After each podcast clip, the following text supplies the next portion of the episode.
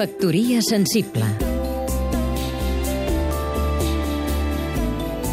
Rafel Vallbona, escriptor i periodista He clausurat el meu compte a Twitter.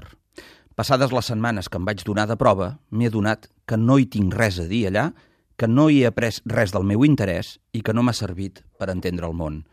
Celebro que arreu hi hagi milions de persones de tota mena i condició a qui aquest servei els sigui tan útil per viure, però a mi m'ha fet perdre més vida que no pas guanyar-la. I no us dic això per presumir d'apocalíptic, que no en sóc, ni per donar-me-les de hipster, vintage ni res. Us ho dic des de la necessària modèstia d'algú que sap que el seu és el món d'ahir, en paraules de Stefan Zeit, que el conjunt de coneixements, experiències i pautes de comportament social en què vaig créixer avui en dia ja només són una petita illa a punt de la sotsobra on apenes m'hi caben els peus.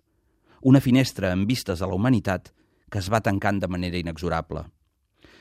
He marxat de Twitter i segur que molta gent em dirà que m'he equivocat, que la comunicació d'avui, i amb ella el lògic trasbals de fluxos de coneixement, passa per aquest senzill sistema de dir coses. Segurament que tenen raó.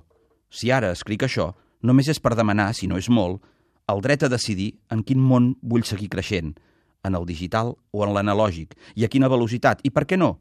Si vull existir i aprendre amb un peu en cadascun d'ells, encara que els exègetes d'un i de l'altre diguin que és una existència tramposa. No tinc dret a aprofitar el que més em plagui d'amb dos mons? Personalment, veig més clares les coses per aquí, per molt que algun mal pensat em digui que és una tercera via.